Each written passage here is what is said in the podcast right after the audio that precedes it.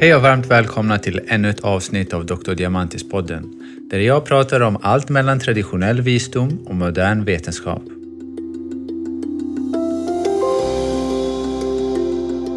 Varmt välkommen Babak, än en gång. Tack så mycket.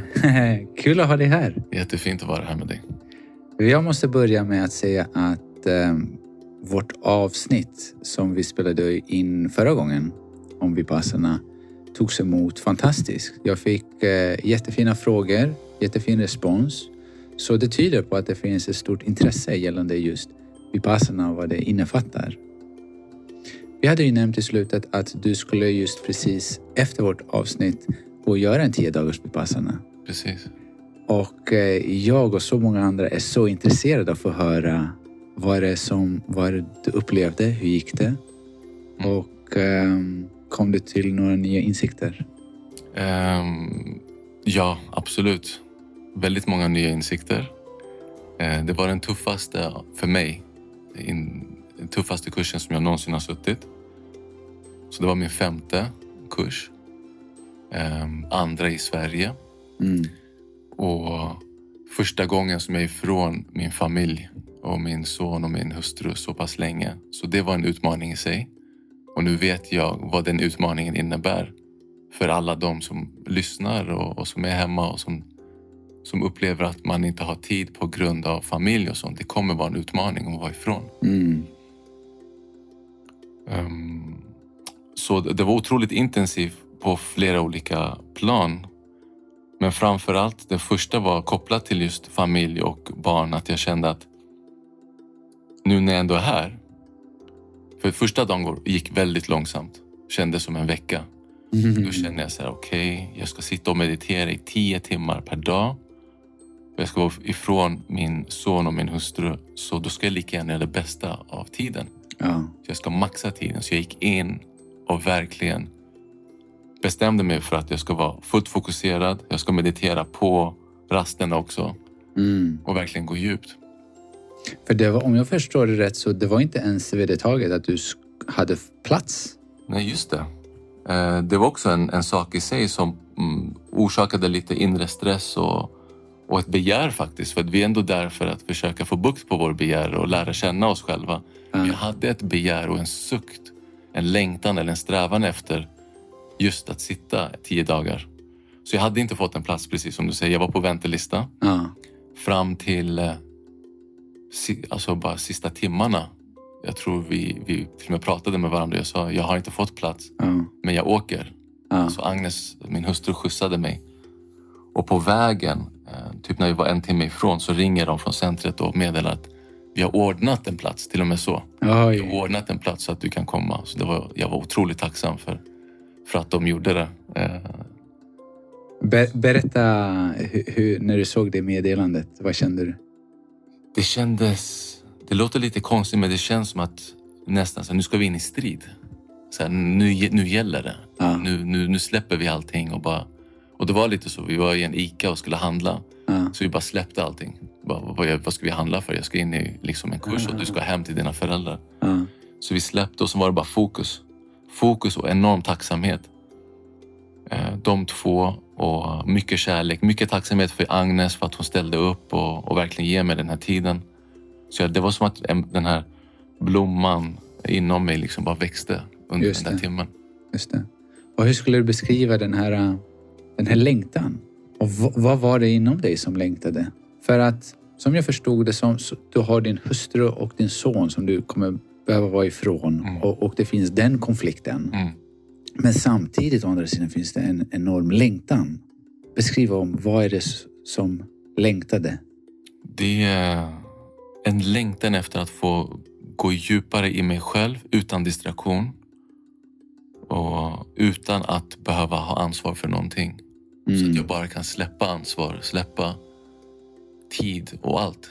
Eh, och gå djupare in i mina, mitt undermedvetna. Jag ser ju det som en... Min upplevelse av Vipassana är att det är som en rensning av sinne och kropp. Så jag tror, eller jag upplever, inte tror, jag upplever på känslomässigt plan att det um, lite så ackumulerats. Det är som att ha ett, ett, ett lakan om jag ska ta en metafor. Ett lakan som jag suttit på i två år. Mm. Dammigt, lite skräp, lite så här. Ja, Så jag längtar efter att få tid att verkligen skaka av det där lakanet och rensa lite så gott det går i alla fall. Just det. Men framför också väldigt mycket längtan efter tystnaden. Ah, Efter att inte behöva prata, inte behöva lyssna på någon annan och liksom svara på någon annans intellektuella verksamhet. just det. Känns bra att bara liksom gå in i någon form av pupp, eh, vad blir det, sån här puppa eller? Kokong. Konkong, ja. Vackert. ja. Ska jag säga. Jättefint. Och, och den tystnaden då? Hur ser du på den tystnaden och, och vad är det som attraherar dig till den? För att det är många som är rädda just för tystnaden och nästan att vi distraherar oss från tystnaden. Men i ditt fall, genom dina ögon, genom ditt hjärta, vad är tystnad för dig? Tystnad blir eh, en eh, avsak eller en avskalning egentligen av yttre stimuli eh, som i sin tur triggar eh, mig eller oss i, i vårt inre. För när jag säger avskalning egentligen är det ju inte så att man tar bort stimuli. För det finns fortfarande, vi har fortfarande våra sinnesorgan som tar in allt från de hundra deltagare som finns där, deras liksom kropps Mm eh, form och, och man, alltså analyserna fortsätter även om Mm. man inte lyssnar eller, Mm. eller hör något tal. Men tal är eh, väl det som vår, vår intellektuella del av hjärnan eller sinnet går igång på. Och jag, för mig så blir tystnaden egentligen att stänga av den här intellektuella delen så gott det går. Eller skruva ner. Stänga av blir fel, men skruva ner volymen och då blir tystnaden ett medel för att kunna göra det så att jag kommer bort från intellektualiserandet och är mer inne i observerandet. Mm. Till och med efter ett tag bort, borta från att intellektualisera vad jag observerar. Utan bara observera och sen gå vidare. Observera och gå vidare lite sådär. Jättefint. Vem är det som skruvar ner? Ehm, Det blir, jag tror, eller min upplevelse, det är bättre att använda upplevelse än tro för att jag är övertygad om att det är vi själva med vår intention Ja. som bestämmer oss dels för att kanske eh, ge oss härnåt en sån här för vissa svår utmaning. Men har vi en intention, har vi en tydlig avsikt med vårt arbete Mm. så, så blir det vi som skruvar ner. Så om jag förstår det rätt, det här jaget du refererar till, det är inte egot och tankarna, men det är en djupare, någonting djupare som betraktar. Jag skulle vilja säga att det är så.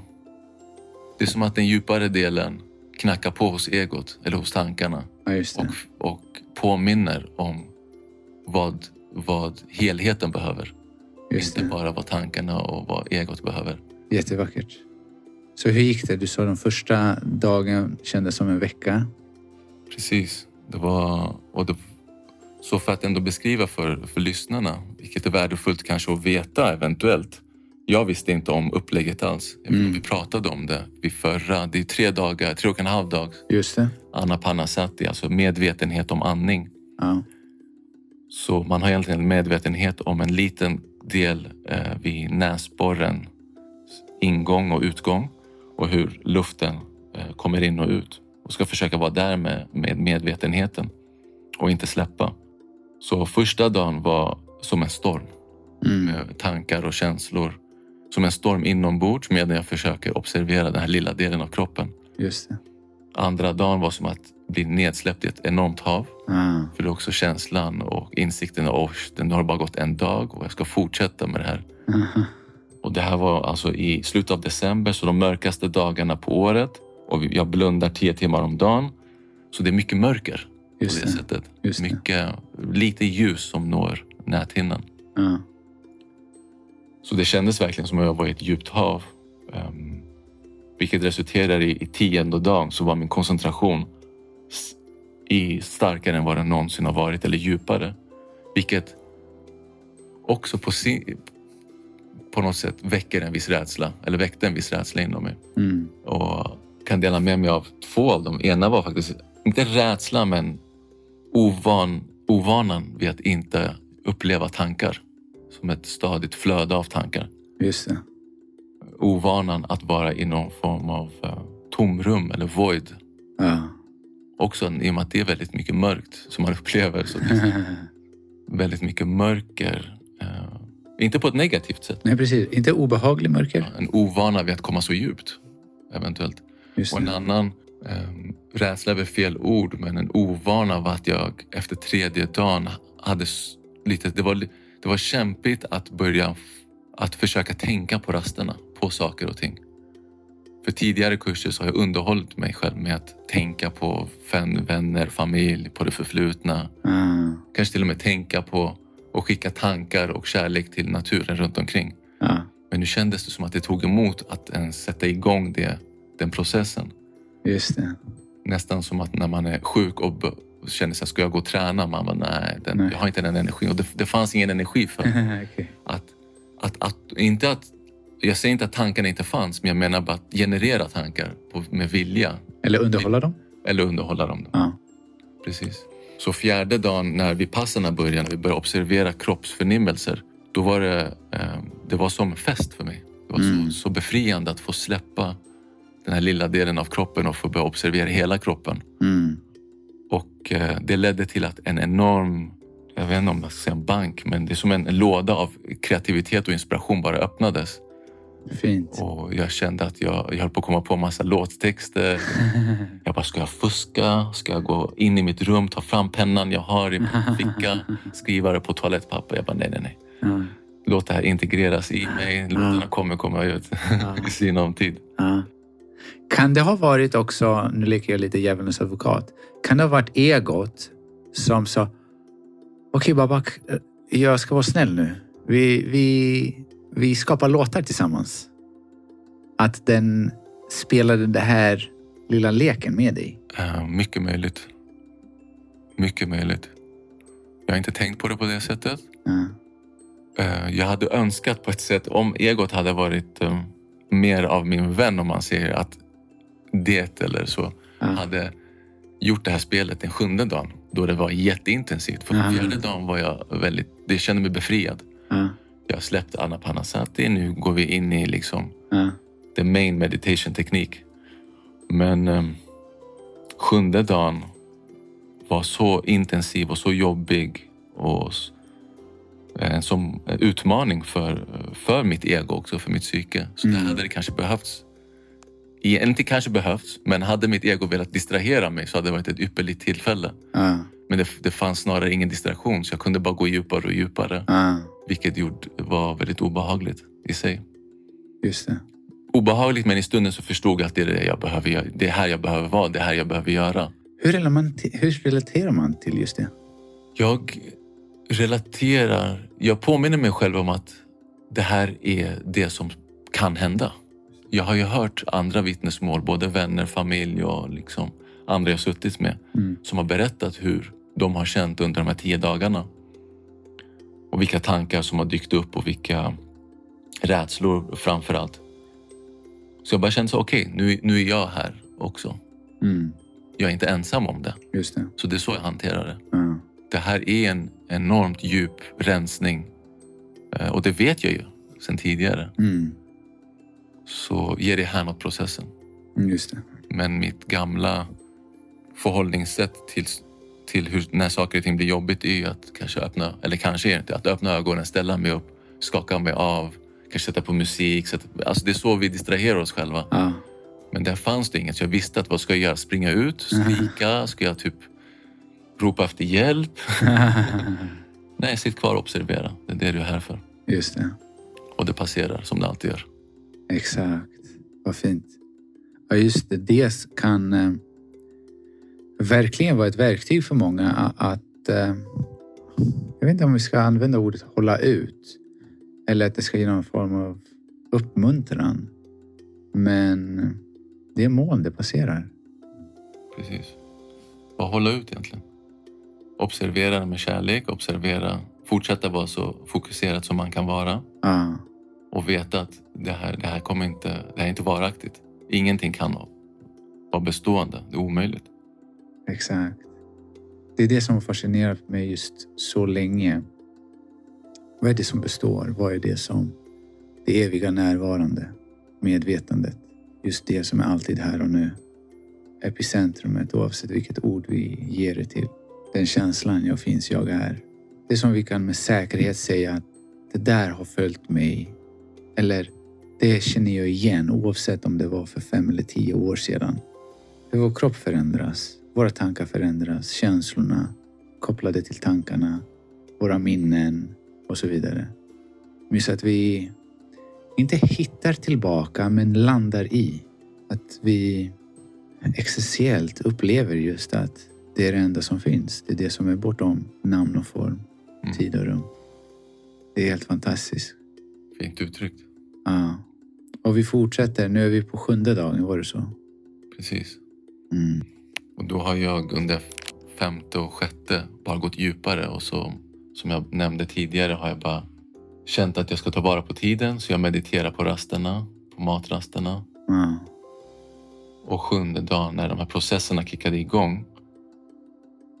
Eh, Och det var kopplat också till, eh, det glömde jag nämna, så på förmiddagen så berättar läraren att det har varit ett eh, utbrott av covid bland damerna.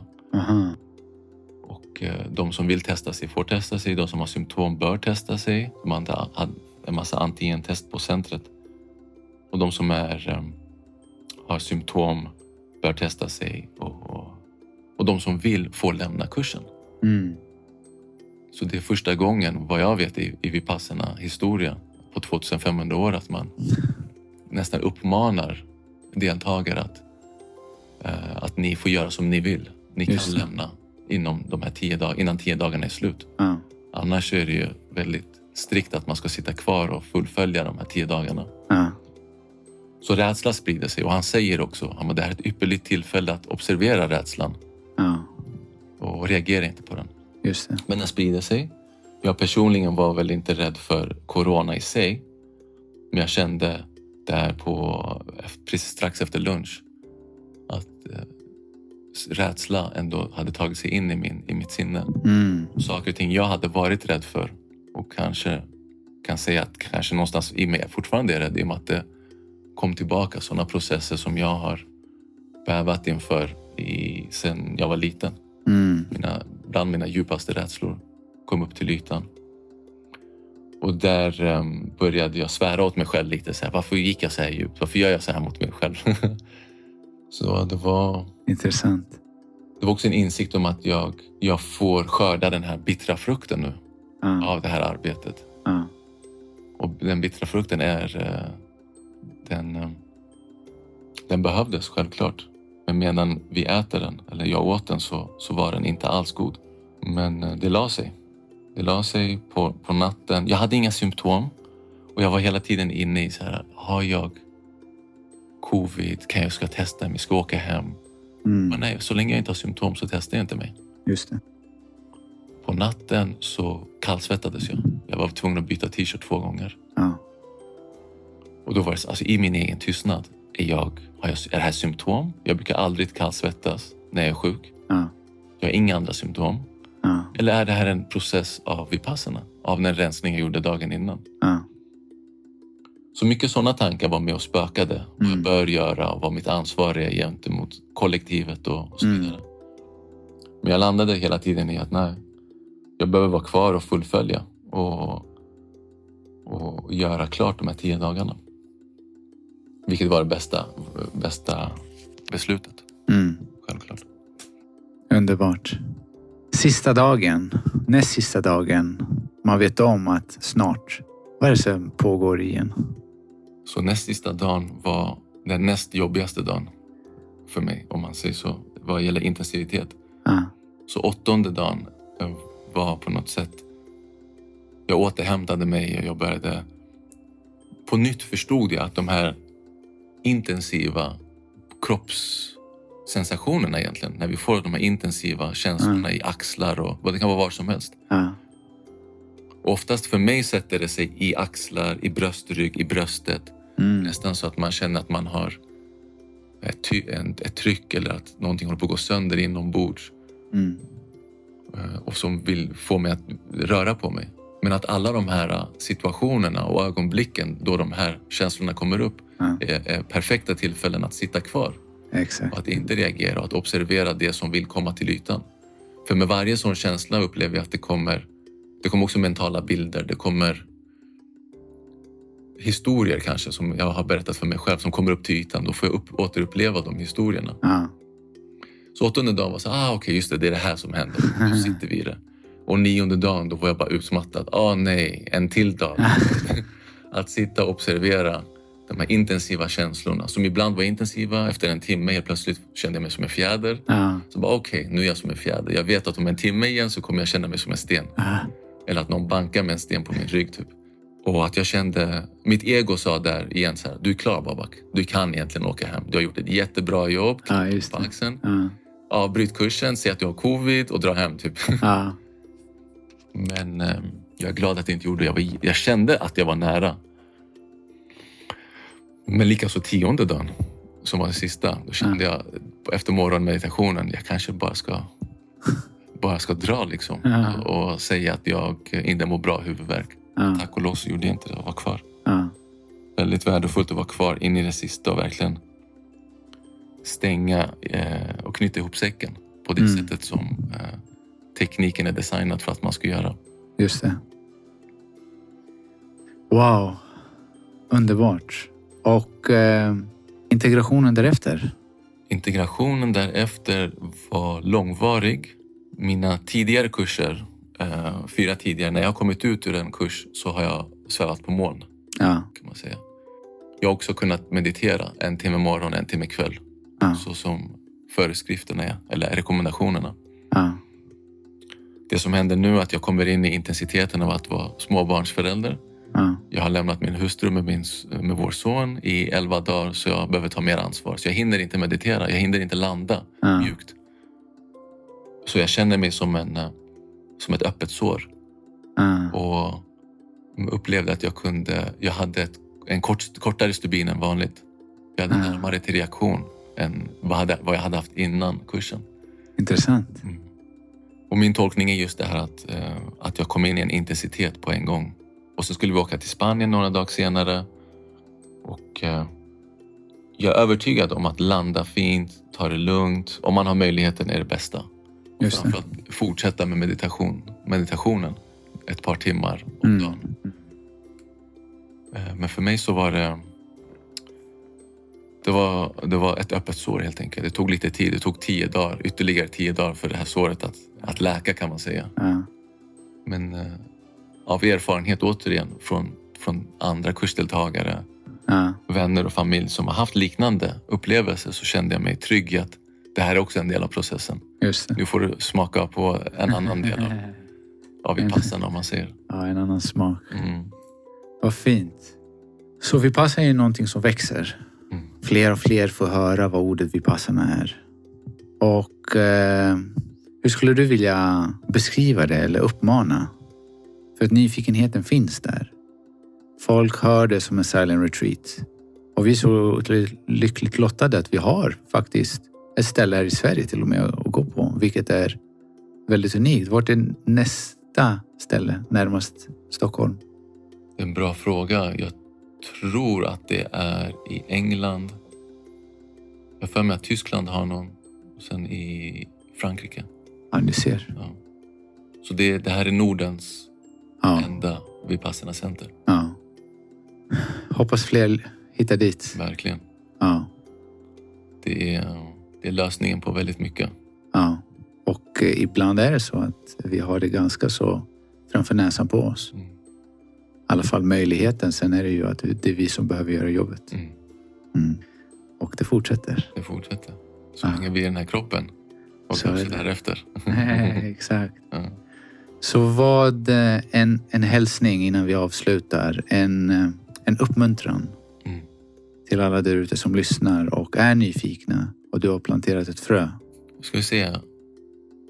Om ni är intresserade av att gräva djupare in i er själva och upplever att ni vill rensa ert sinne själva och samtidigt få kunskap om er själva, alltså mer liksom självkännedom och egentligen sann kunskap så som den beskrivs av, av Buddha så är Vipassana en fantastisk och den rätta meditationstekniken skulle jag säga. Inte för att säga att den är bättre än andra, men den gör just det som eh, det ovanstående, alltså att den ger oss komplett kunskap om oss själva. Och med det sagt så betyder det inte att vi får det efter tio dagar eller fem kurser utan det är i alla fall början på den, på den resan. Mm. Och det blir också en början på resan att själv eh, vara ens egen kirurg och gå in och, och rensa i sinnet och i kroppen. Mm. För eh, jag som också har jobbat som gymnasielärare och framförallt filosofilärare i så många år och undervisat i filosofi är också intresserad av epistemologi, alltså läran om vad kunskap är och filosoferandet om vad är egentligen kunskap. Mm. Jag tycker det är så fint när, eh, när Siddhartha eh, delade in det i tre huvudspår. Mm. I vilken första är eh, kunskap vi får genom att läsa. Den andra kunskap genom intellektuell verksamhet. Mm. Och sen den tredje som egentligen den högsta formen av kunskap så som han beskrev det är kunskap genom egen erfarenhet. Mm. Och erfarenhet av det som händer i, inom ramen av vår egen kropp. Ja. Så alltså observera kroppen när någonting händer. Inte observera händelsen utanför. Ah. Så hela tiden vara i kroppen och observera det. När någon tänder ljuset eller när vi ser en favoritfilm eller när vi äter en favoriträtt. Vad händer i min kropp? Ja. Vad händer i min kropp när jag ställs emot svårigheter och, och så? Mm. Så är man intresserad av att, av att djupdyka i sig själv Mm. och rensa och lära känna sig själv så do it. Fantastiskt. Gå in på hemsidan och, och anmäl er. Det är kostnadsfritt. Det är det som också är så vackert. Eh, Det är kostnadsfritt. Det handlar om en själv. Ja. Bidra med det man, man kan och vill efter Ja. kursen. Ja. Och jag måste bara nämna att du är ju också reiki-master. Och att få, jag provade på, jag fick en behandling från dig för någon vecka sedan. Mm. Och att få en behandling av någon som besitter en sån djup insikt i sig själv. Det kan inte nästan läras. Det kan inte läras ut teoretiskt. För att om inte jag som terapeut vet vem jag är eller vad jag inte är. Hur ska jag någonsin kunna veta vem den som ligger på bänken är? Mm. Och då finns det ju en risk att det är en frågetecken som behandlar ett frågetecken. Mm. Medans i närvaron och i dina händer som kändes någonting som inte jag känt tidigare hos någon. Och hur du så otroligt skickligt har integrerat och reiking till andra metoder också. Det är någonting som måste upplevas. Mm. Så äh, vänner, om ni har varit hos någon som jobbar med reiki, då måste ni prova på Babaks reiki. Och ifall du aldrig har provat reiki, då är det definitivt ett, ett måste. Så med det så vill jag tacka så hemskt mycket, Babak. Tack själv. Tack. Stort tack. Och eh, till er alla där ute. Låt det här samtalet marinera lite och reflektera över just vad allt detta innebär. Jag kommer lägga upp också Babaks eh, Instagramkonto som ni kan följa honom och få mer insikter om just det han förespråkar. Ta hand om er allihopa där ute. Massa kärlek. Kärlek.